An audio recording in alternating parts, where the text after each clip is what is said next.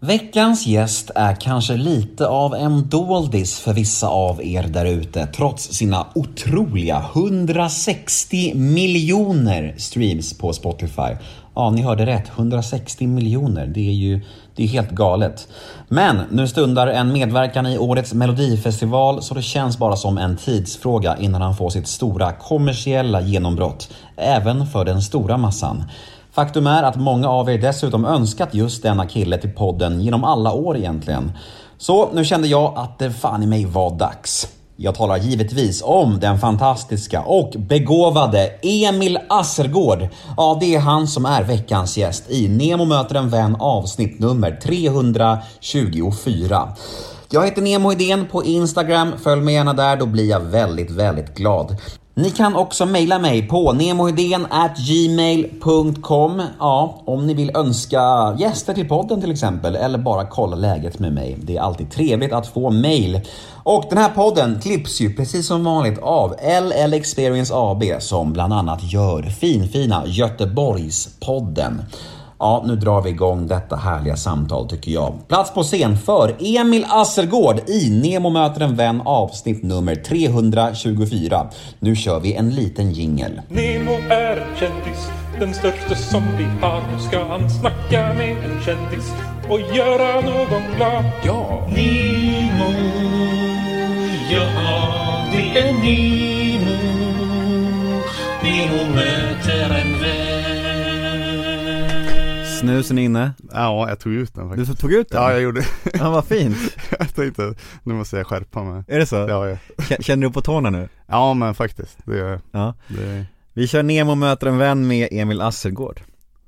yes. Hej! Senare. Välkommen hit! Hörru, stort tack. Ja.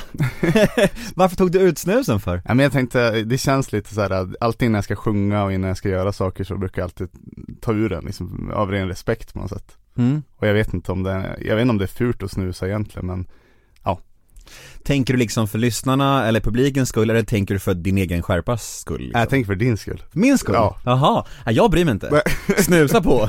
Ja men då, då lägger jag in den. Kör in en Glenn Strömberg-lass.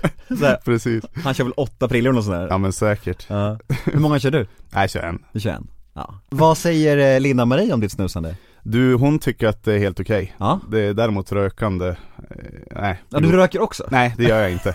Det, för då, då skulle vi inte bo tillsammans. Nej, Det, det hade varit lite grovt om du rökte också Ja men faktiskt, men det, jo, nej men det är nolltolerans på den, på rökningen så att det, ja, mm, Det kan man kanske förstå också jo, absolut. Du, eh, hur mår du? Du, jag mår bra måste jag säga, det är ju en speciell tid, men eh, ja, det är ett nytt år i alla fall och hur klyschigt det än låter så känns det ändå lite bättre att man, ja nu vet man ju förutsättningarna inför det här året lite bättre i alla fall. Mm. Förra året kom ju som ett magplask mer. att man, eh, ja, det var som att någon drog undan mattan under fötterna på en och så fick man bara, ja, vänta helt enkelt. Hur tänker man egentligen som artist i de här tiderna? För att eh, jag tänker att det kan ju faktiskt bli så att det här blir väldigt långdraget Ja. Har du någon liksom femårsplan eller hur tänker man? Nej, alltså för, om, om jag ska vara ärlig, förra året då gick man mest och väntade bara och försökte göra lite små saker, lite online spelningar och ja, jag gjorde lite småspelningar när man fick samlas några personer. eh, men alltså man tänker ju, ja jag försöker ju tänka hur jag ska göra om allting bara fortsätter och det blir väl online man får tänka liksom. Ja, och försöka liksom tjäna pengar på de sätt det går. Och liksom i, inte i, i värsta fall, det låter som att det är jättehemskt men annars får jag ju ta ett vanligt jobb. Och det, det är inte för att eh, jag, tyck, jag ser inte ner på det men Ja, det är bara för att man har satsat så mycket på det man gör som, man, som det känns jobbigt att behöva släppa liksom taget om något man har byggt upp som ändå rullar på bra i vanliga fall.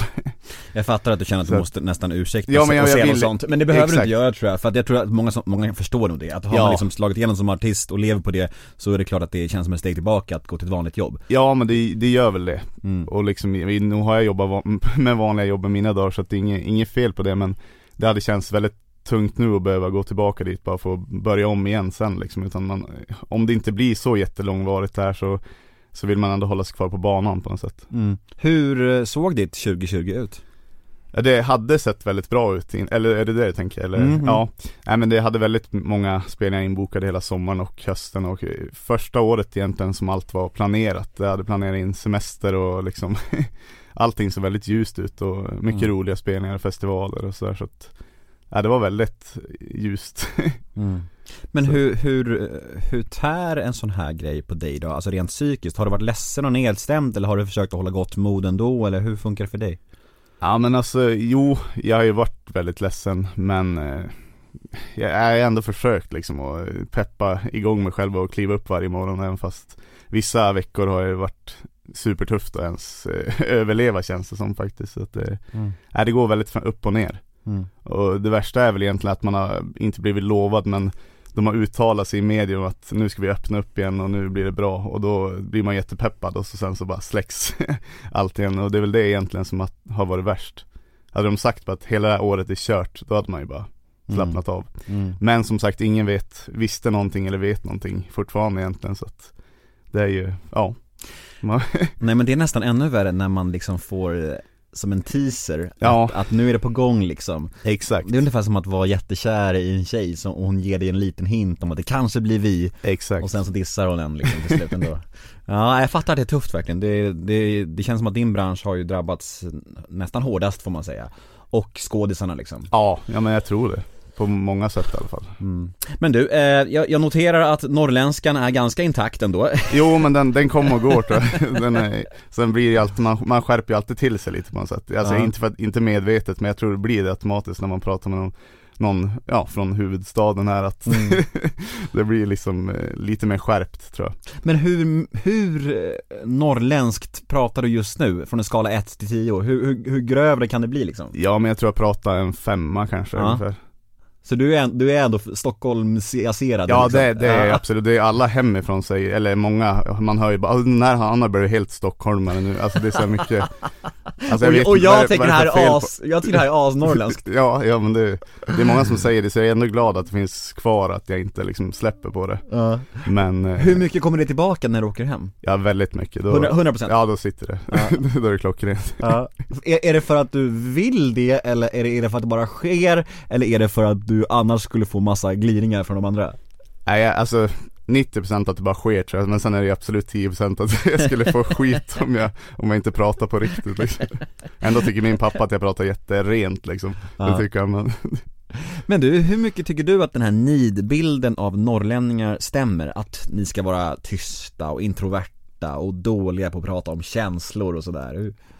Ja, alltså vad ska man säga? Det är väl också lite 50-50, alltså Nog är många så men samtidigt, jag, jag vet väldigt många från Norrland som är, pratar mer än alla från södra Sverige tillsammans så att Mm. det, det är väl, väl, jag tror att det är precis som, alltså det, nej det är verkligen en nidbild på ett sätt för att Folk i hela Sverige är ju, är ju så, vissa pratar jättemycket, vissa pratar ingenting så att Men det är väl någon slags Nej, dåligt svar men nej Jag tror inte den stämmer jättebra faktiskt alltså, Nej men det är ganska svårt också att gener- Det generalisera ja, så det är- många människor Det är ju det, ja. men samtidigt Så det var en dålig fråga egentligen Ja, snarare. nej men nej, det tycker jag inte men, men det är ju sant för att många säger det, ja men jag tror du ska vara tyst eller jag tror att alla norrlänningar ska vara tysta och Hela den där Norrlandsgrejen är ju så kul för att man liksom samlar ihop så många län och liksom distrikt egentligen i, i, i ett namn. För det är ju så många olika län och landskap där uppe och det glömmer man lätt bort.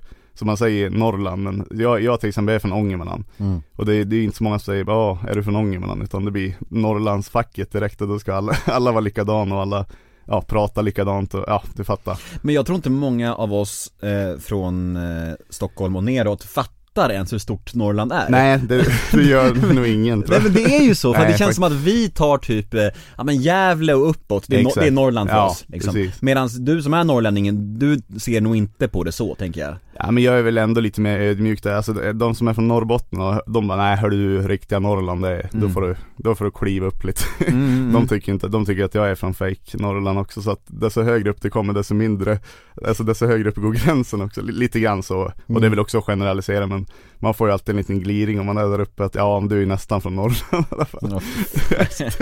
Det är alltid så här en kamp. Det är, det är som en sån här eh, prestigekamp Ja men lite grann. Vem är mest norrlänning jo, liksom? faktiskt. Ja, Ja, det är intressant. det där. roligt Jo. Att det även finns liksom hierarki Jo inom men er absolut, Mm. och Norrbotten är väl finast, det, då, där, där är man säkrast, där, där kan man ju säga att man är från Norrland så där, det- där, Om man är därifrån då platsar man överallt Absolut mm. Har du sett den här Björnstad? Eh, Nej, det har jag faktiskt inte gjort Nej men den handlar ju, den är utspela, utspelar sig i Norrland och, Ja. då, och då är lite, det är ju mycket det här med machokultur och, och svårt att prata känslor och så här och det är därför jag frågade lite om Ja. det eh, För, för nidbilden finns ju där Jo men jag har ju sett reklamen för det, så jag har ju Ja. sett lite bilder och så här, ja, och vad de har skrivit om det så Mm. jag förstår, jag förstår ungefär mm. Jag vill fan re- rekommendera den för alla för den är 5 plus Den ska jag kolla på, Ja det tycker jag, den finns på HBO Nordic kan eh, Kanon, du eh, vi känner ju varandra lite grann Det gör säga. vi, absolut Vi har setts några gånger, hur många gånger har vi setts? Vet du det? eh, Ja men tre, fyra, fem gånger kanske, Ja. något sånt ska jag tro Jag kan Inte. nämna, ska vi se här, eh, vi, vi var, hade någon slags eh, förfest innan en melodifestivalfinal va? Ja, Mm. det stämmer Hemma hos er Jajamän, Sen så var väl du och eh, din tjej på min bokrelease mm, mm. Och jag var på hennes bokrelease det var det, mm. Så det är tre gånger jajamän Ja, Sen första gången jag träffade vet jag att det var på, vi var på en konsert på mhm Gröna Lund Vart, eller vilken, vilken konsert? Ja, jag, jag följde ju med Linda Marie som, men det var något som Jo, båda ni jo, gillade, jo. det var ju ett Kan det vara så här college-punkband? Ja absolut, det var det, det vet jag men jag vågar inte säga vilket det var för Kan det vara det någon var sån här antingen typ Sum 41 Simple eller Plan va? Simple Plan var det Simple Plan det var det, absolut Ja men det har vi gemensamt, Ja, eh, den musikgenren. Exakt. Det är lite tabu att gilla sån musik har jag märkt. Ja men det verkar så, hon, hon säger det också men, men jag har ingenting emot det men det, Nej, bra. det är fränt men Det är bra. Ja, Fyra, fyra gånger alltså? ja, Ja vad kul, det. ja då satt, satt vi alla fyra? Ja, Ja vad härligt. Ehm, Jag har tänkt på en grej angående din röst. Ja, För det var ju så, när jag tog in dig här nu i, i studion så pratade jag med han eh, som hjälpte oss med mickarna och eh, och satte på inspelningen här och han sa så här, ja ah, är det den Emil han med speciella rösten? ja just det Får du höra det ofta? Jo men det får jag, alltså jag tror att folk känner igen min röst mer än mig Mm. faktiskt För det finns ganska tydlig diskrepans mellan din röst och ditt utseende tycker jag För du har Ja. ganska, ditt utseende är ganska ungt och, och, och lite pojkigt nästan Mm. Och din röst är väldigt mörk och speciell Jo, precis Ja de säger det Ja, ja tänk, kä- känner du själv så eller, eller är det bara baserat på att folk tycker det tror du? Nej alltså jag, jag tänker väl på det när folk säger det men jag har aldrig tänkt på det själv, alltså det är ju bara så jag är liksom. Så Mm. för mig är det väl naturligt men jag förstår ju att det blir en krock för människor, alltså när de ser Många ser mitt namn på någon affisch om jag ska komma och spela någonstans eller om jag ska vara med i något program och då tänker nog de flesta att ja men nu blir det någon smörpop liksom. Eller jag vet inte. Det känns så, så ja, blir det liksom en chock ibland för vissa. Hade du velat kunna sjunga liksom ljusare och sådär? Ja men absolut, ja, man, man har ju testat det men det har ju inte Nej jag är inte jättebra på falsettgrejer så det kan jag ju er- villigt erkänna men Nej men, eh, ja, men jag är väl ändå nöjd, alltså jag är ändå glad för att jag har ett slags ID för det är ändå mycket det som har tagit mig framåt eller som gjort att folk vill lyssna på mig tror jag. Mm. Så att, ja, jag är glad för det men det är klart att man önskar ibland att man kunde pressa upp lite, Mm. någon ok- oktav till. Men du, eh, jag tänker att vi, att vi ska ta det lite eh, från början Ja, Vi spolar tillbaka bandet till eh, 1991 absolut. Vi tar oss till Undrom Undrar om jag precis. Ja, en liten by utanför Sollefteå Mm. Hur liten då? Ja det bor 89 pers i själva byn. Är det sant? Ja, Vadå minsta byn jag hört? ja det, det är en liten by. Det är din familj alltså? ja det är och min en familj till. och kusiner. Fan. Nej men det är väl så här också, det tillhör ju som en eh, socken du vet. Mhm. Som heter Botio socken och där, det kanske bor 500 pers cirka. Så att det är som flera små byar runt varandra. Och själva byn Undrom som jag kommer från, där bor det, står det enligt Wikipedia 89 pers. Jag vet inte Mm. hur bra det stämmer men ja, det, det är väldigt litet, det är det. Alla små hålor eh, i Sverige, min, Mm. min fördom säger att eh, det finns alltid en frisör och en pizzeria Ja. Stämmer det? Nej det finns ingen pizzeria, det Nej. finns en affär kvar där nu. Okej, mm. Det är det enda som finns och Frisör, jo alltså nog finns det frisörer Mm. runt omkring det men alltså det var mer så här att man åkte hem till någon morsans kompis och klippte sig. Okej. Som absolut var utbildad frisör men det var mer på den nivån liksom. Mm. Det var inte någon, någon riktig verksamhet kanske. Nej. Vad vet du om eh, din födsel? Ja, vad jag vet, jag, jag föddes för tidigt vet jag. Ja. Det är typ tre veckor tror jag, Mm. två, tre veckor. Och det var inte så bra. Och sen vet jag också att min mamma inte, hon minns inte att hon föddes, födde mig. Det vet jag också för att eh, hon mådde ju väldigt dåligt då, alltså psykiskt dåligt.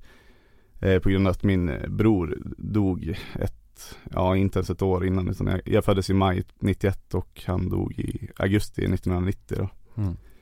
Så att, eh, ja nej det var väldigt Ja, jag antar att det var en väldigt konstig grej med födseln där men Jag vet att hon inte minns det hon berättat att hon kommer inte ihåg själva förlossningen och något ifrån det Vad hände med din bror?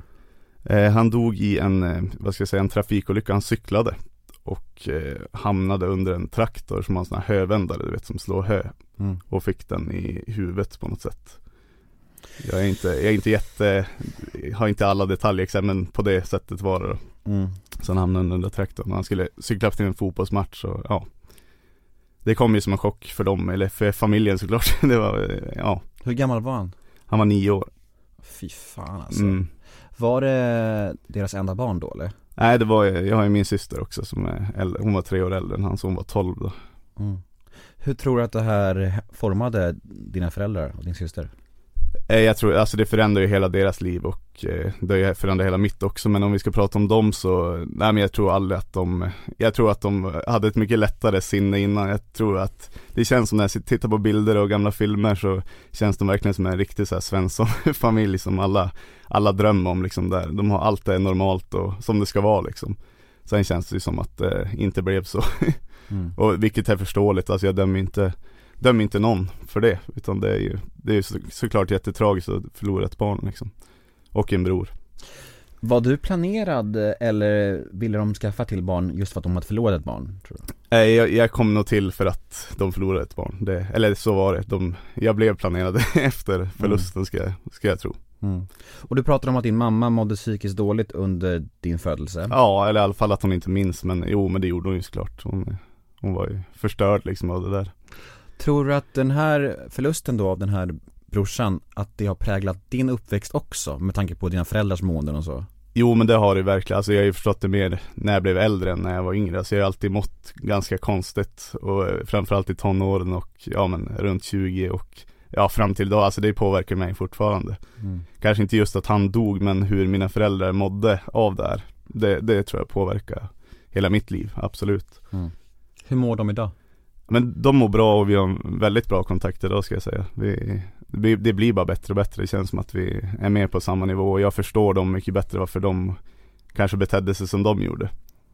Tycker du att det är svårt med det där att, att kunna förlåta sina föräldrar för fel de gjorde under barndomen? Eh, nej, inte nu tycker jag inte det. Men det, när man var tonåring och ja, lite yngre då, då hade jag väldigt svårt att förstå varför, varför de sa som de gjorde och varför de tyckte saker och sådär. Mm. Men nu förstår jag ju till 100%.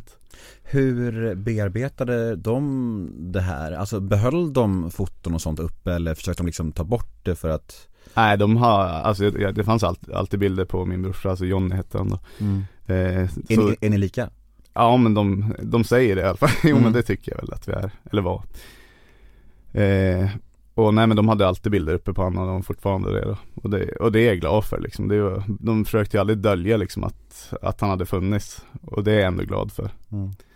Men det var ju lite speciellt, jag trodde ju alltid att jag skulle dö när jag var nio också bara för att han gjorde och, och leva, jag tror inte att det är så bra liksom för ett barn att tro, jag vet inte varför jag trodde det heller Men det var väl någon typ i skolan och så här som sa bara, ja men du kanske också kommer dö när du är nio Mm. För att man berättade, man pratade mycket om det, man funderar ju på sånt där när man är i den, alltså när man börjar skolan, 6-7 år liksom Så funderar man på varför, varför saker är som de är. Mm. Och då trodde jag väl, ja men jag hade inbillat mig det att jag skulle dö, dö redan då. Mm. och det är liksom att ha dödsångest på något sätt när man är så liten, man förstår ju inte det fast man ändå har det, det är väldigt, väldigt konstigt. Ja jag förstår det. Men du, din syrra, hur gammal var hon när din brorsa dog? Hon var 12, Hon var 12 ja. Det är ju fan en knepig ålder Det alltså. är den sämsta åldern ska jag tro. Ja, vad hände med henne? Nej men hon mådde ju inte bra och det, det märks ju om jag, ja jag vet inte om jag får säga det så men det märks ju på henne än idag att det har satt spår liksom Mm. Det, det gör det, hon Hon är ju väldigt stark tycker jag men hon, hon har ju mycket problem med sig själv och tro på sig själv och liksom Hon, hon förlorade ju både sina föräldrar och sin brorsa kan man säga Alltså ja, mina föräldrar överlevde ju men de försvann ju som personer, alltså som Mm. föräldrar. De stängde ju in sig på varsitt håll liksom och det blev väl aldrig mer som det var innan. Nej. Nej fan det är svårt det där att föreställa sig alltså, eh, det går ju inte att föreställa Nej, sig det gör det och jag kan egentligen inte prata om det, alltså jag kan ju bara prata om hur det har varit för mig. mm. Sen har det varit för dem, jag har ju pratat med dem om det liksom men det är ju Är de bra på, på att prata om det? Ja om du? jag, om jag tar upp det så absolut, men jag tycker, jag vill ju prata om, om det så mycket som möjligt ändå, Ja. så fort jag är hemma, att, att man alltid säger något om det liksom. Ja, För jag tycker det är viktigt, för jag, jag tror inte de har bearbetat det tillräckligt mycket. nej De skulle ha, och det var väl inte lika mycket, alltså lika vanligt, det var ju, ja på 90, början av 90 där, var väl inte lika vanligt med, alltså få psykologhjälp och liksom stöd och Mhm. folk att prata med. Jag tror inte att det var riktigt samma sak som det är idag. Nej Det är, Nej. så, det är mycket mer normaliserat idag, då var det liksom mer lite tabu kanske att prata med med psykologer så, känns det som. Eller jag vet inte om det var så men det känns som Det att känns var, som ja, att det var nog, eh, det var nog ett större kliv Ja, att, att söka hjälp för dåligt mående förr exakt. eh, Men du, den här personen som körde den här eh, traktorn då, Ja. vad hände där? Ja, jag frågar faktiskt må- många gånger om honom men det, jag, vet, jag tror det varit väldigt jobbigt för honom också såklart men nej, jag har inte hört så mycket faktiskt alls. Mm. Men det blev ju ingen, då, alltså det var ju inte hans fel. Det blev ingen Nej. utredning ens eller? Jag tror inte det. Nej, Nej. nej ah, Shit vilken historia alltså, Ja, speciellt. verkligen, jag hade ingen aning om det här Nej, eh, nej, men- eh, Verkligen sorgligt alltså Ja. Eh, Men han är begraven där uppe eller? Ja det är han, Mm. precis. All right, men du om man, eh, nu blir det svårt att prata om din barndom utan att och, och, Ja, liksom ja så här- precis, nej, det är ingen fara. Nej jag fattar, vad bra att det inte är det Nej. eh, men, men hur hade du det annars då? Bortsett från den här händelsen som, som såklart präglade säkert hela din uppväxt Men, men hur var det annars för dig? Vad var du för typ av barn? Alltså jag var väldigt blyg och lugn och ville inte vara i vägen. Sen eh, gillade jag att spela fotboll och ja, var, var med kompisar men jag var väldigt, alltså jag var social men jag var väldigt blyg. Jag vågade liksom inte ta kontakt med folk riktigt. Men hur eh, och vart kom musiken in? Den, alltså jag började spela lite, man fick börja lära sig spela gitarr i skolan när man var nio år. Så då började jag lite med elgitarr och, ja gitarr och testa att spela men jag slutade kanske Ja efter två år tror jag. Och, men då lärde jag mig ändå att spela ackord och så här. Men det var ju så många andra som var så duktiga tyckte jag då, och det var de ju också såklart, de var inte dåliga men jag menar vi var inte så gamla heller. Men jag tyckte att de var så bra och de sjöng och de höll på och så här. Då tänkte jag, nej men det där, det, det är nog ingenting för mig, jag är inte liksom Jag kan inte det där riktigt som dem. Och det, det är väl en sak som jag alltid liksom har tyckt att folk, andra är alltid mycket bättre än vad jag eh, Så att, nej men då, då, jag la ner det då Kanske när jag var 11 och sen så spelade jag bara fotboll och hockey och ja, håll på att idrotta liksom men hur ska man någonsin kunna ta för sig i, i en så tuff bransch som artistbranschen om man tycker att andra är bättre än sig själv? Ja, det är en bra fråga för det är lite det problemet jag sitter med hela tiden. Alltså, många kan ju tro och tycka att jag är så här kaxig typ i låtar och så. Men jag låter väl kanske låtarna tala för sig själv. Jag, jag ser varje låt lite mer som en, som en film kanske. Allt behöver inte handla om mig. Jag beskriver ofta liksom saker jag sett eller jag hör vad folk säger. Och sen kan folk ta illa upp av det eller tycka att det är skitbra, jag vet inte Hur man ska tänka kring det, jag tänker att det är skapande liksom, då är det inte det är inte lika hårt för mig, det är inte riktiga livet alla gånger. Och ibland är det det också men, men hur man ska ta för sig, ja, man får ju bara försöka tro att man ändå har någonting. Mm. Men det är ju verkligen, jag skulle säga att hade jag inte så mycket lyssnare och folk som stöttade det jag gjorde så skulle jag nog inte liksom våga ta igenom det själv, alltså satsa på det själv helt. Nej men för det, där är ju ganska intressant med dig, du har ju väldigt mycket eh, streams, Ja. väldigt mycket trogna lyssnare Absolut. Men det känns inte som att du riktigt har fått det här kommersiella genombrottet i ren media, så, Nej. förstår du vad jag menar? Nej, nej men det har jag inte, det, det men, jag med det är lite konstigt det där, vad tror du det beror på? Ja, men det beror nog fram, framförallt på mig själv att jag har varit dåligt på, dålig på att suga åt mig, dålig på att kontakta folk kanske. Och jag, för jag, det är också problemet, där jag tänker ju att ingen vill väl umgås med mig, ingen vill väl hänga med mig liksom. Det, jag, jag tänker ju alltid ner mig själv där liksom. Så det är väl det som är mitt stora problem, att jag, jag tänker att ja, men det är ingen som vill ha mig där så att jag, jag, jag skiter i det liksom. Mm. Och det är jättesynd för många gånger är jag jättetaggad på att hänga med folk och göra saker och jag ser andra hitta på jätteroliga projekt och så tänker jag det där borde jag göra och det där vill jag vara med på men äh, jag, jag, jag hör inte av mig, det blir bara, det blir bara jobbigt om någon säger nej liksom. Vi måste nästan berätta vad du skrev till mig när jag frågade om den här podden. Ja. För, för att du sa så här: hittar du någon annan gäst så ta den. Alltså man vad fan alltså, vad fan jag har ju skrivit till dig, vem säger det så? Nej. Det? Och det, och det, Det är är känne, kännetecknar exakt allt det vi snackar om just Exakt, nu. ja men det är vä- väldigt mycket jag. Nej men jag tänkte jag var dålig, jag var seg på att svara så får jag skylla mig själv om jag liksom missade liksom. För Sa du samma sak till Christer Björkman då eller? Nej nej nej nej, det sa jag inte men nej, nej absolut inte. Nej jag fattar vad du menar. Men jag, jag, jag är lite rädd för att vara i vägen, för, alltså jag, jag gillar ju verkligen människor, jag vill inte förstöra för någon och inte trycka ner någon, bara för att jag själv mår så dåligt många gånger liksom, och är Mm. ganska svag i mig själv, så vill jag inte heller eh, Alltså vara, reta någon, provocera någon och liksom göra någon, trycka ner någon. Och jag vill absolut inte vara i vägen, känner jag väl. Framförallt i vardagen. På, när jag står på scen till exempel, då, det älskar jag ju. För då vet jag att här får jag stå, för nu är jag inbokad för den här tiden, så det, det här är min stund att få, få glänsa och få Mm. ge publiken någonting, för de ändå köpt biljetter och kommit hit och kolla, då får jag ändå, de vill att jag ska vara här, nu kör vi. Men det är typ min enda säkra plats i världen känns som. Då får du liksom utlopp för det här som inte går i det privata liksom. Exakt, precis.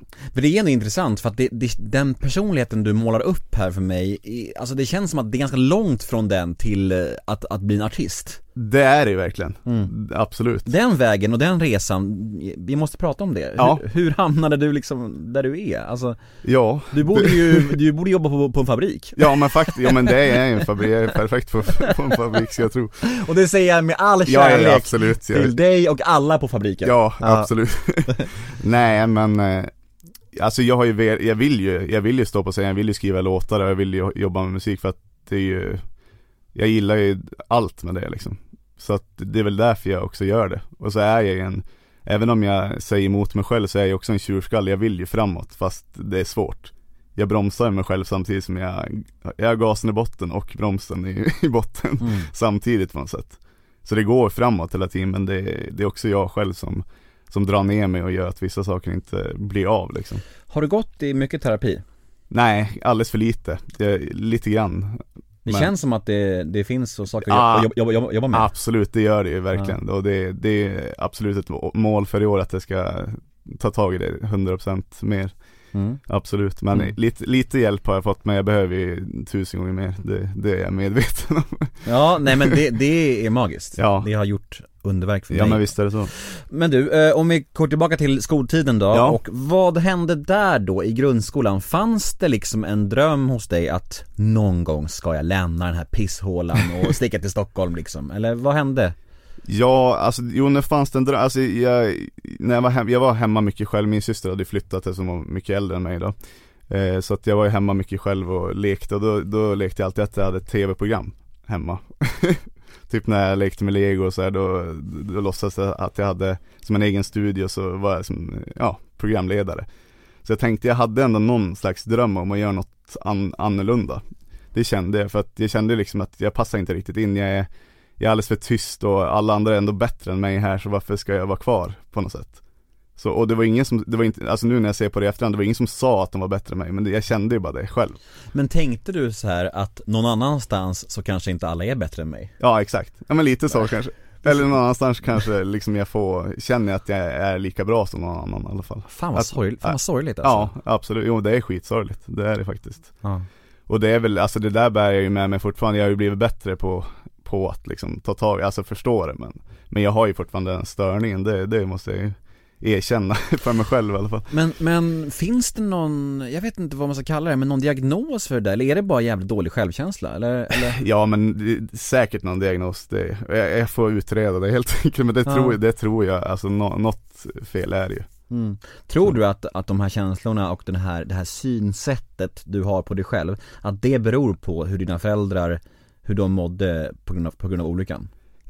Alltså det är nog inte bara det men väldigt mycket tror jag Mm. Jag tror att det kan ha mycket med det att göra för att jag, alltså Jag vet att mina föräldrar älskade mig för det har de ju sagt till mig men det kändes aldrig som det när jag var liten Så det känns som att om inte ens de liksom tyckte om en Varför ska någon annan göra det? Lite, lite den känslan bygger Mm. väl allting på Sen vet jag ju att de, att de älskar mig och jag älskar dem liksom men När man är liten och man inte liksom känner det Då, ja Och jag förstår ju för att de hade så mycket annat att tänka på och det var mycket att bearbeta liksom Det där är också intressant, det där som du gör hela tiden, att du hela tiden så här När du säger så här, ja men mina föräldrar eh, hade mycket annat att tänka på, ja, ja, ja, ja. Så, så, så, så, skyddar du dem också Jo, det gör jag Det gör du hela Absolut. tiden, Jo, du, kan inte, verkligen. du, kan inte, du kan inte kritisera dem för då måste du skydda dem också Ja, Och absolut. det gör du hela tiden Jo det gör jag, helt rätt. Ja. Det, nej men jag är verkligen så.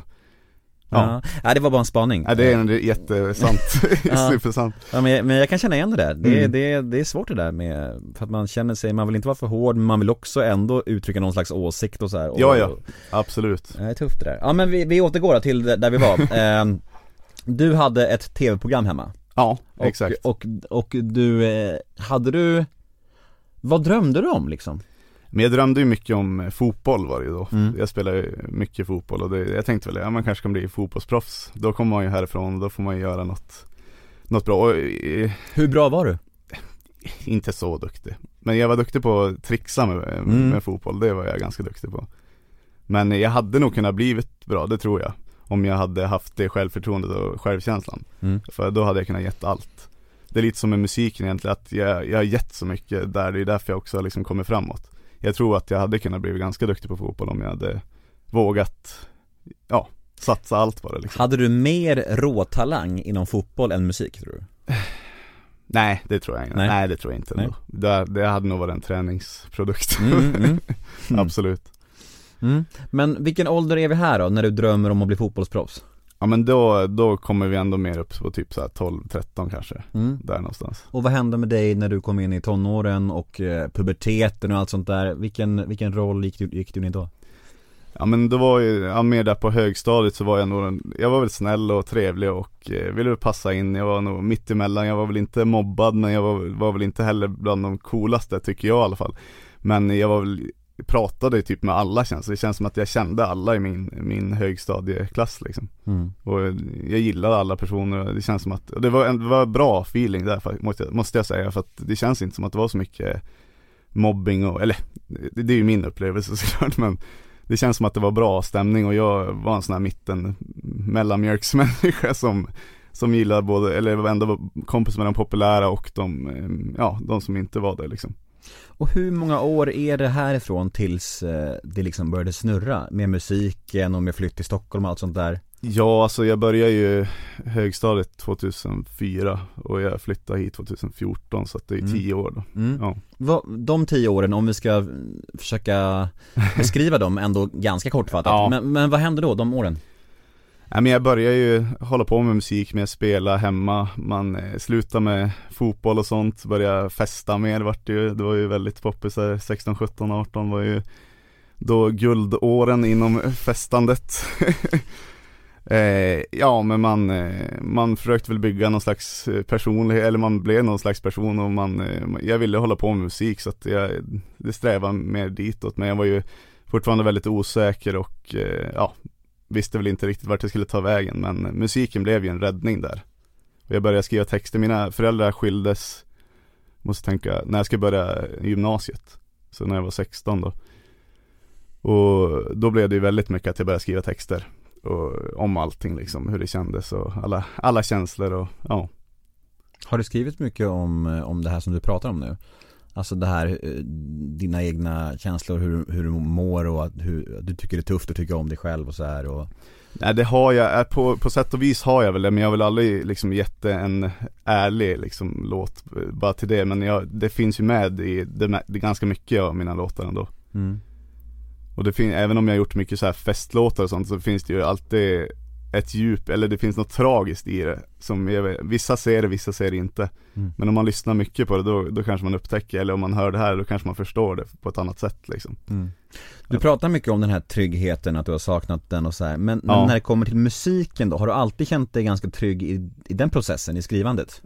Ja men jag, jag, faktiskt, jag vågar. För att det känns som att det finns inga regler där riktigt. Eller det gör det ju men jag kanske inte alltid har följt dem. Och man får vara mer fri där. Mm. Så att det är väl det jag gillar. Och jag känner att, nej, man kan bara gasa på liksom. Så det, det tycker jag är, det, äh, det är bra. Och det, man känner sig friare.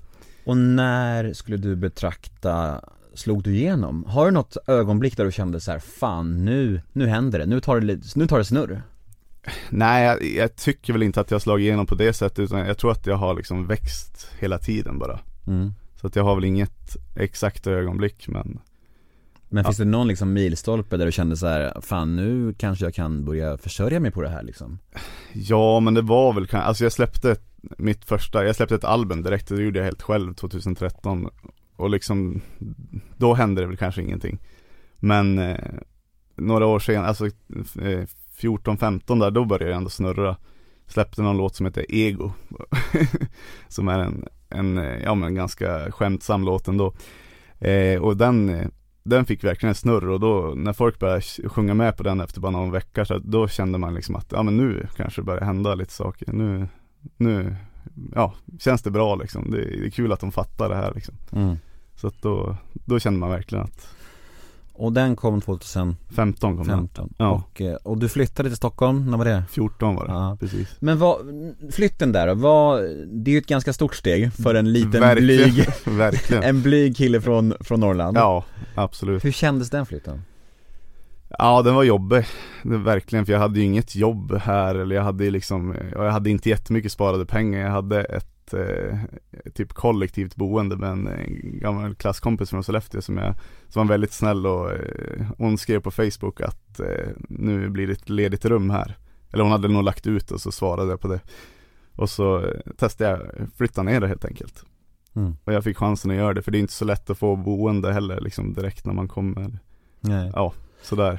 Och, Utan och jobb. började du jobba då den här i Stockholm då eller, eller var, var du fast inställd på att jag ska fan, musiken ska vara mitt jobb? Nej det var musiken, Ja. bara liksom 100%? Ja, Ja. jag hade jobbat innan i, jag bodde i Sundsvall innan jag flyttade ner och då hade jag jobbat Och så jag sa upp mig från ett, ändå en fast anställning jag hade Mm. och, och sen så, ja Tänkte jag nu kör jag, nu finns det inget, inget att förlora Nej. Precis Men var det i den här vevan då, 2015, som du träffade din sambo? Ja, precis, det var det Hur träffades ni? Vi träffades faktiskt på Det var TV3s, eh, de hade en sån här releasefest för, vad hette det nu? Uziplay hette det Mm. Innan via Play tror jag, det var någon slags så mm. här online eh, tjänst. Det var mycket för Paradise Hotel och Mm, så här. mm. Jag, min kompis Christian Teljeblad, Mm. det var ju mycket tack vare han vi träffades för han kände ju Linda Marie, hon, hade, ju- hon jobbade ju som journalist då och hade intervjuat han mycket. Och så att ja, eh, han är Men det här var väl före han var med i Paradise? eh, Nej, Nej, okej. nej vi träffades efter han hade varit med. Så att han och jag, ja Okej, ja. Mm. eh, precis. Så att nej men det var, han var mm, konferencier på den där eh, Mm, re, mm. ja, releasefesten då, så. Och ni känner varandra sedan Norrland eller? Ja, vi känner varandra eh, egentligen genom musiken kan man säga och genom min, min kusin Mm. som har jobbat med han innan. Så att det var så vi lärde, fick kontakt med varandra. Mm. Och så var det i samband med Paradise Hotel, alltså när han var med första gången.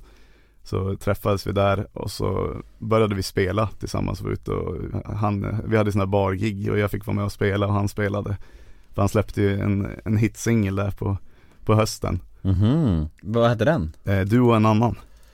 Men alltså, Kommer du ihåg det? jag vet Det var ju inte. väldigt stort, alltså det var, det var helt sjukt det där Men, men kan du ny- nynna lite? Du och en annan har ju en grej Eh, Mm, ja, kanske. Jag är fan lite vagt. Men Ja, jag, jag, jag har ju alltid känt.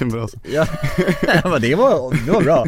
Men, men alltså jag, vi har ju en ganska rolig lyssnarfråga som Ja. vi kan klämma in lite Ja här, absolut, eh, innan vi kommer dit. mm. Eh, som lyder så här. Varför gjorde du en låt med Christian från Paradise Hotel? Du är ju en riktig artist och han känns ju bara rätt pajig och oseriös i sitt artisteri. Kan han ens sjunga? Ja Christian kan sjunga, han är musikalisk måste jag säga. Han är det? Det vill jag ge han, verkligen. Ja. Ja. Och, nej men vi gjorde det, jag, jag älskar Christian som person och som, eh, på alla sätt liksom, han är en sån jävligt härlig människa som verkligen eh, får en att må bra liksom. Eh, Och eh, vi gjorde ju en låt, vi var ute och turnerade där hela hösten liksom på sådana bargig, eh, Paradise Hotel-gig och spelningar blev det ju som, och det övergick väl med i vanliga spelningar liksom och nej men jag ville göra en låt med jag tycker att det var skitkul och vi gjorde en, eh, ja men lite skämtsam låt som eh, handlar om, handlar om två killar som eh, dejtar samma tjej då egentligen Den har jag hört. Ja, Mm, mm. just det. Mm. Ja, så att, nej men eh, varför? För att eh, det är kul, jag tycker att man ska testa på allt i livet och jag tycker han är en riktig artist och jag, alla kan vara artister och alla kan vara vad de vill. Jag tycker att, eh, ja jag vet inte. Helt rätt. Ja, Där fick du. ja, Där fick du lyssnaren. ja, nej Ja. men jag, jag ser inte liksom upp eller ner på någon. Jag tycker att, jag tycker man ska gå sin egen väg och alltid testa. Mm. Jobba med, jobba med de man vill jobba med liksom. Mm.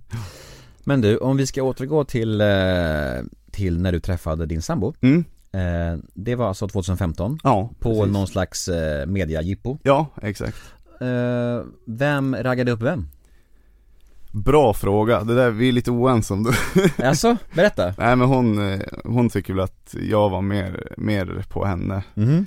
Och jag tycker väl att det är ganska ömsesidigt på något sätt. Ja, Nej men vi, jag skrev, eller hon taggade mig i en bild för jag hoppade in i någon, hon skulle ta någon bild med så här konfetti Hon sköt någon konfettirör där. Och då hoppade jag in i bilden liksom.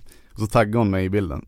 Och då tänkte jag så här, ja men det är tydligt att hon vill Hon vill ju på något sätt att vi ska få kontakt där tänkte ja, ja. Så då skrev jag till henne på, på Messenger då.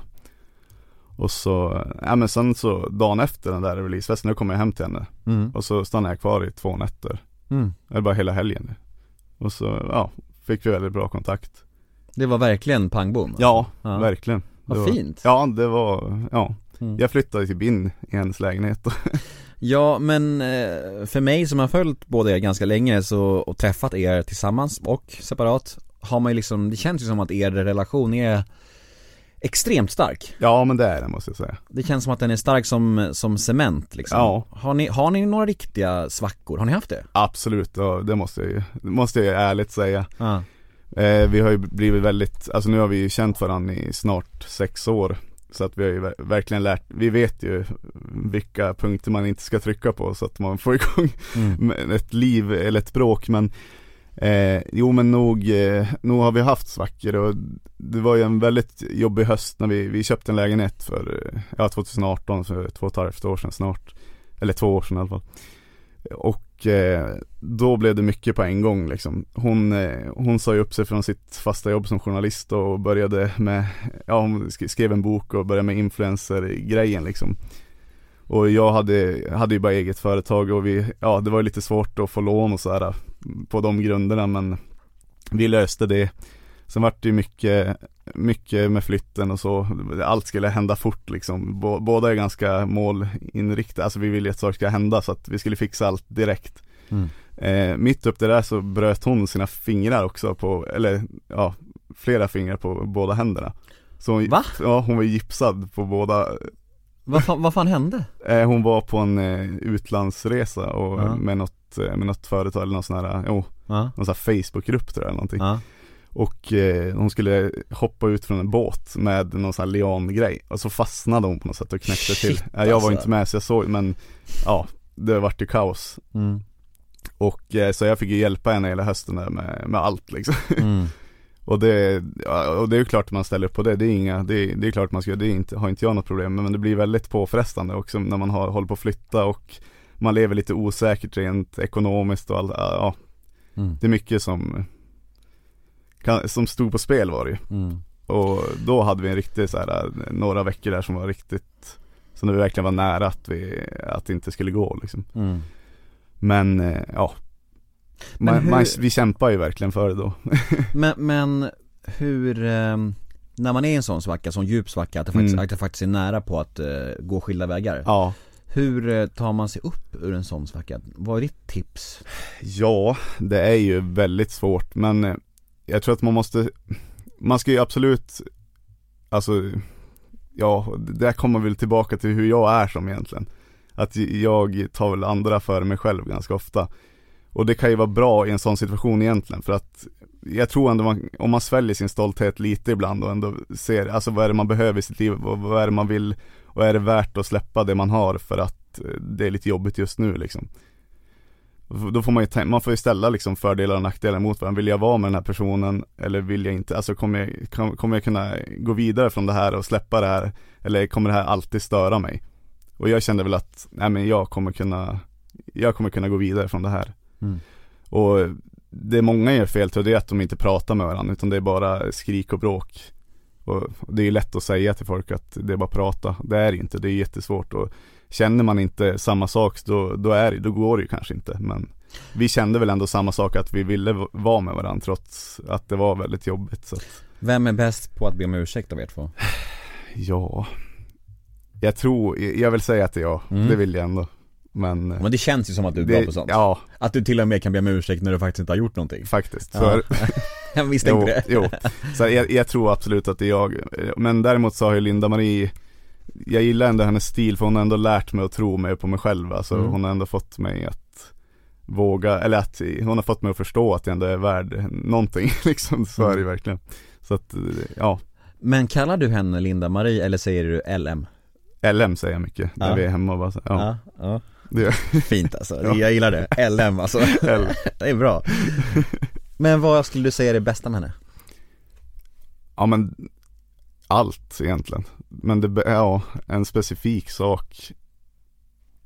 Ja men det är ju hennes personlighet, hennes sätt liksom att vara på tycker jag. Det, det var liksom det som fick mig att tycka om henne från start liksom. Tror jag.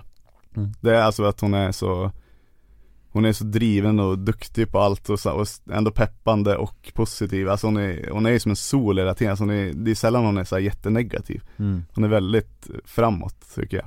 Men vad bråkar ni om då? Om, för jag, jag, jag, jag som sagt, jag känner ju er båda lite Ja. grann och hon är ju väldigt glad Ja. och, och solsken liksom. Jo. Och du är ju också ganska, ändå utåt sett ganska Ja ja, glad jo men jag är glad, absolut. Vad bråkar ni om när ni bråkar oftast? Men- Finns det någon som är, någonting som är klassiskt utlösande faktor för bråk?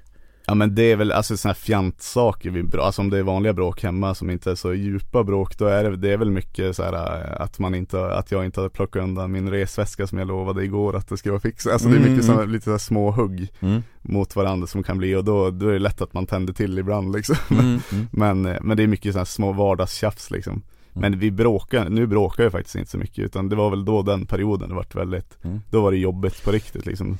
Så att, men annars så är det, det är, det är lite små, vi, vi jävlas lite med varandra från båda håll. Och hon vet ju exakt hur hon ska göra för att få mig förbannad, alltså hon är ju sjukt medveten om det. Men då kan jag också vända, har jag en bra dag då vänder jag bara på det och säger men du, nu gör du bara det här för att göra mig arg eller hur? Mm. Då, då skrattar hon ju bara liksom, då ser man ju Mm. att det är så. Så att de, hon, hon vet ju Ja, alltså, men det här draget du pratar om att du ibland kan be om ursäkt för saker när du kanske inte- ens är den som ska be om ursäkt. Ja, Kan inte det bli problematiskt i en relation att den andra personen utnyttjar det lite grann? jo, så är det ju. Mm. Absolut, det har väl varit ett problem i alla, de flesta av mina, alltså vänrelationer, alltså alla relationer till andra människor egentligen. Mm. Det har ju, ja, Mm. visst har det varit så? Att du liksom tillåter dig att bli överkörd typ? Ja, Ja, det tycker jag. Ja men det får du skärpa dig med Det ska jag göra. Ja, men- bra. Nu kör, just det, en till fråga Ja. om Linda-Marie innan vi Jajamän. släpper henne Absolut. Planerar ni att skaffa barn?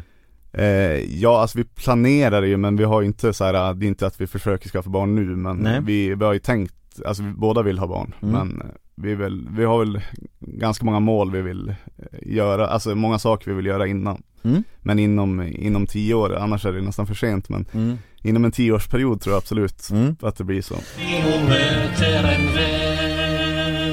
Nu ska vi köra lite snabbfrågor Jajamän. Paradrätt Eh, risotto ska jag säga. mm. Vad missbrukar du? Snus. Vilken egenskap hos dig själv föraktar du mest? Eh, ja, det är väl min själv, eller alltså min självkritik ska jag säga. Ja. Ångesttrigger? Eh, ja du, allt. Nej men, eh, att leva, nej det är det ju inte. nej men, eh, alkohol ska jag säga är, eh, inte när man dricker men eh, några dagar senare. Mm. Vad har du orimligt gott självförtroende inom? Oj. Ja men det skulle ju kanske vara matlagning då som jag tror att jag är duktig på. Så om jag smakar din ris- risotto Ja. så är den skitäcklig? Det kan vara så. Roligt Vi får väl se Vi får se, jag får bjuda ja, dig. ja, verkligen, gärna eh, När grät du senast? Det var nog i söndags var det, precis. Vad hände då? Då vi, vi var uppe och hälsade på hos min pappa i, ja, det var under coronasäkra förhållanden för vi tog bilen direkt dit, det vill jag bara påpeka så ingen blir arg här. mm.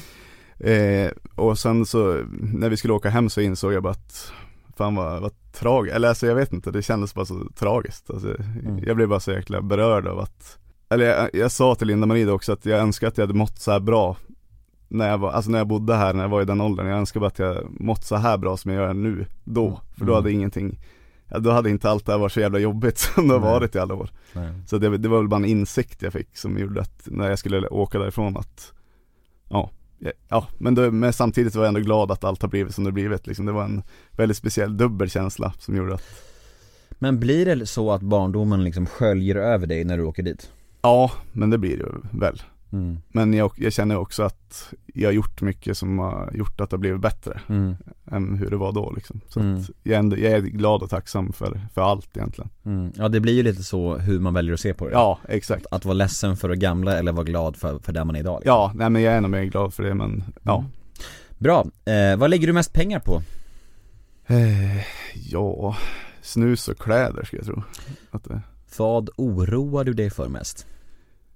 jag oroar mig för eh, framtiden, alltså hur, eh, hur allt ska bli egentligen. Alltså både, både liksom eh, miljö och klimat och hur vi kommer behandla varandra och allt det här med sociala medier och allting. Jag, jag känner väl att tonen är inte så jäkla skön tycker jag. Inte kanske just mot mig men så här allmänt att det är mycket, mycket tjafs och bråk och känns som att vi glider ifrån varandra mer och mer allihop. Att, eh, jag hoppas att vi kan komma närmare varandra men jag oroar mig mycket för att det ska ja, bli oroligare mer liksom att folk inte förstår varandra. Mm. För det är väl ändå det jag vill att vi ska göra. Vad kommer du aldrig förstå dig på att andra människor tycker om? Bra fråga. Lever. Mm, bra svar ändå Ja det vet jag inte men lever, eh, alltså det tycker jag är äckligt som fan. Ja det är inte gott alltså Men annars har jag ändå förståelse för det mesta tycker jag men Min morsa var riktigt oskön, eh, det var några månader sedan, så hade hon gjort en gryta Hon sa Ja. till mig att det var typ så här, hon bara Nej men det här är jättebra nötkött och det här är bara Hon sa att det var något annat, så, så när jag åt det så bara "Pff, Det här är inte så gott, så bara sa hon Jag bara vad är det i det här? Så efteråt hon bara Nej men det är lever och lite hjärta och så här, Jag bara, jag bara taskigt alltså ja det är inte skönt. Nej, För det, det smakar ju speciellt. Ja verkligen, alltså jag, det var bara de här känsligaste, jobbigaste delarna i ett djur och, jag, och hon sa till mig att det var de finaste Mm. Ja, delarna just det. Äh, jävla as Ja det beror på hur man ser det där också kanske. Ja verkligen, men vissa älskar nog det Jo absolut och det, Så är det ju. Så är det Eh, Mamma älskar det till exempel, Jo, och absolut, hon det ville ju, grejen var att hon ville ju få mig att prova dem för hon trodde att jag då skulle upptäcka dem Nu liksom. Ja, och wow. Men jag, jag tyckte verkligen att det bara smakade konstigt Ja, jo Eh, jag förstår. Så jag håller mig till liksom karré, ryggbiff, Ja det är rätt. det jag förstår Det är trygga. Ja exakt, så svennebanan är jag Ja men herregud. Du, eh, nu ska vi snacka mello Ja, Nu är vi där. Kul, vad roligt. Gud vad kul! Åh vad du har längtat efter att vara med i mello! Mm. Ja, Åh vad du förtjänar det tycker ja men jag också tack snälla. Fan vad kul alltså, du vet ju att jag är mellonörd Ja men det vet jag. Som du. Ja, absolut. Vi har ju till och med sett eh, det ihop Ja det har vi så att det är ju Fan vad kul, Berätt, berätta då, eh, vad, hur många år har du sökt in? eh, Ja alltså, vad ska man säga, jag har ju sökt in eh, kanske fyra gånger totalt, alltså som jag Mm. skickat in låtar, men de två första gångerna var ju mer på egen Eh, En gång var ju jättelänge sedan, typ 6-7 år sedan tror jag Och en gång var för fem år sedan, sen de två senaste gångerna har ju varit mer seriösa satsningar liksom Mm. Och senast med mitt förra skivbolag var det väldigt nära. Jag var med till veckan innan presskonferensen. Oj Vadå, du, de sa så här, preliminärt är du med? Ja, Ah, exakt. fy Vill, vill du vara med? alltså. Känner, känner Emil för det här? Känner du för det här Emil? Liksom, är, du, är du taggad? Ah. Absolut, jag är skitglad och jag kände att jag hade en bra låt och liksom det, det var jättekul. Vilken låt var det? Eh, Leva livet heter. Ja Fan vad, vad tungt det måste vara ändå Ja, det var väldigt tungt. mm. Det var det faktiskt. Alltså, och det förstörde faktiskt hela 2019 nästan för mig. Att jag inte kom med. Och det, det är väldigt, kanske vissa tycker det är skitfjantigt att jag säger det men rent känslomässigt för att jag Jag hade planerat liksom för det där i ett, ja, över ett halvår liksom Mm. ja, Nästan ett helt år gick man och ladda Mm. Så när man väl släppte låten på riktigt då var det ju inte alls samma grej som det hade blivit i mello liksom. Nej, nej men jag förstår det. Så det blev Och jag tycker inte alls det är töntigt, det är, det är fan så här, det är rimligt. Men fick du någon förklaring på varför ni inte kom med? Eh, ja, nej, det fick jag väl inte utan att, eh, nej tyvärr blev det inte den här gången. Men jag, jag träffade hon Karin som, Mm. som eh, är chef, som Mm. jag har träffat nu också, hon är jättetrevlig Men jag träffade henne på efterfesten och då, eh, på det året, 2019 var det då och då var det nästan som att hon inte bad om ursäkt men nästan så bara, ja men förlåt att inte kom med, men sök igen liksom så kanske det går bättre alltså, så. Ja, Och det var, det var, det kändes som att låten var klar nästan, alltså ja den var ju det, men Mm. Men ja, men det, jag förstår ju dem också, alltså nu när jag Nu kommer det igen. Nu när jag är med Nu ja, kom- men nu ja, kommer det förlåt, igen. nu försvarar jag dem, nu försvarar jag dem helt, jag kan, katastrofalt Ja. Men, nej men det, De gjorde rätt. de gjorde, de gjorde rätt beslut, skit mig Nej men det, det Ja. jag tänkte på är ju så att det man ska förstå med Melodifestivalen det är också att det är ett det är ett underhållningsprogram där det, det ska passa alla eller de ska få in så många målgrupper som möjligt i det och det kanske var fel just Mm. då Men vilken deltävling är det du ska vara med i? Det får jag inte säga Är det sant? Än. Nej, Jaha, det är inte uppdelat än? Nej, det är inte presenterat Så jag höll på för sig Men gud, jag är helt säker på att det har eh, presenterats, men Okej. du har förmodligen mycket bättre koll än mig där Ja, jag, nej, jag, har, jag har fortfarande men ah, Okej, så, så vi kan inte snacka om konkurrensen i deltävlingen? Nej jag vet faktiskt inte ens vilka jag ska möta så Nähä, du Nej. vet inte själv det? Nej, jag vet vilka som är med det vet ju alla men Ja. jag vet, eller de som är intresserade Ja. Men eh, jag, jag vet inte vilka som är med i min deltävling Har du hört några andra bidrag? eh, Ja, jag var ju på ett sånt här mellocamp. Men, men jag kommer inte ihåg Nej. riktigt hur var- Eller så gör du det och säger ingenting. Nej, nej, nej men jag gör faktiskt, alltså det var ju så, du vet, där var man ju, det var ju lite feststämning där. Ja. Man har som tre dagar där man skriver låtar och sen på sista dagen får man, ja, spela dem upp alla låtar och Det är ju lite, dim, inte dimmigt men det är lite så här, man kommer inte ihåg, de spelar upp låten en gång bara, Mm. sen så Och på de där campsen, campsen så sitter de här eh, Bobby Ljunggren profilerna och, som Exakt. gudar Ja det är gudar, absolut De sitter på sin tron Absolut och bara såhär Emil hämtar du en, en Java till mig? ja, nej, nej så hemskt, så hemskt är det inte men, Nej, men det är, man har ju bara. respekt för alla som har varit med och skrivit många av mina låtar så man, Ja. man får ju, man förstår ju att det är liksom en, en egen bransch i musikbranschen nästan, Mm. ska jag säga Men, men vad kan du säga om din låt då? Ja, Men jag skulle säga att eh, till skillnad från det jag släppt nu på slutet så är det en glad och positiv låt som är peppig liksom Mm. Och eh, den handlar väl om att, ja, den handlar mycket om det här året som har varit liksom att eh, det känns ju ganska bedrövligt men det går ändå att se framåt och eh, vända, vända det här på något sätt Mm. Precis Vad tror du om eh, möjligheterna att gå till final? Eh, Jag hoppas ju på det Men eh, Ja det är det sj- sjukt starka självkänslan säger väl Mm. Nej men jag, jag tror att jag har möjligheten att gå till final, det tror jag verkligen men, Kan du lova mig en sak? Ja, Och det är att inte säga så här. "Nej, de andra var ju bättre än mig, om du inte går vidare ja nej nej det ska jag inte säga Nej bra Nej men alltså musik kan man ju inte tävla, alltså nu ska vi tävla i musik men Mm. man kan ju inte tävla i musik på det sättet Nej Men eh, jag tror, alltså det, anledningen att jag tror att jag kan gå till final är väl att det är en, en bra trallvänlig låt liksom som är positiv. Jag tror att den går in ganska direkt, den är inte, den är inte så komplicerad. Och eh, sen har jag en väldigt stark fanbase så jag tror att de är beredda att rösta på mig. Det, det hoppas jag Mm. att de vill. Men, Mm. men eh, ja, vi, vi får se. Men jag, jag är skittaggad på hela grejen så att för mig spelar det ingen, alltså det är klart att det är tråkigt om jag inte går vidare men Eh, åker jag ur så är det inte, det är inte hela världen liksom. Jag har, jag har ju spelat så mycket, så, i så många år nu och turnerat runt ändå så att jag, jag kan nog klara av det. en sista plats också liksom. mm. Men vi hoppas ju att eh, du går vidare Ja men jag hoppas att det kan bli så. Och vi hoppas att det är en bra låt Ja det hoppas vi också. det återstår att se vad, Ja, vad folk tycker. Det är väldigt nervöst. Det. Hur strikt är det med det där? Alltså, alltså, du får inte spela upp den för någon Nej, Inte ens din sambo nej, ja. Ja men vad fan, jag tycker alla där ute ska lyssna på, eh, lyssna, rösta Ja. på Emil Du, eh, vi börjar bli klara ja. Hur känns det här?